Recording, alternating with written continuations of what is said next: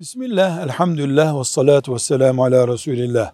Kardeşimiz diyor ki, bizim örfümüzde insan kendi çocuğunu, babası olduğu çocuğu, babasının yani çocuğun dedesinin yanında sevmez. Bu ayıp ve kötü bir ahlak kabul ediliyor.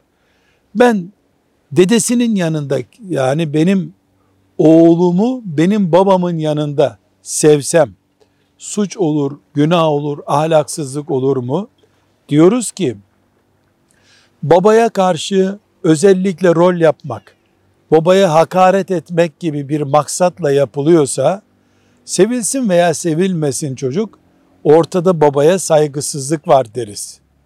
Ama bunun dışında örf, kültür, insan babasının yanında kendi çocuğunu sevmez, okşamaz diyorsa bu Resulullah sallallahu aleyhi ve sellemin sünnetine aykırıdır.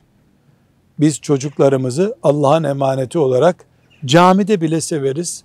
Allah'ın huzurundayken severiz. Namaz kıldığımız yerde severiz. Anne babamızın yanında da severiz tabii ki. Velhamdülillahi Rabbil Alemin.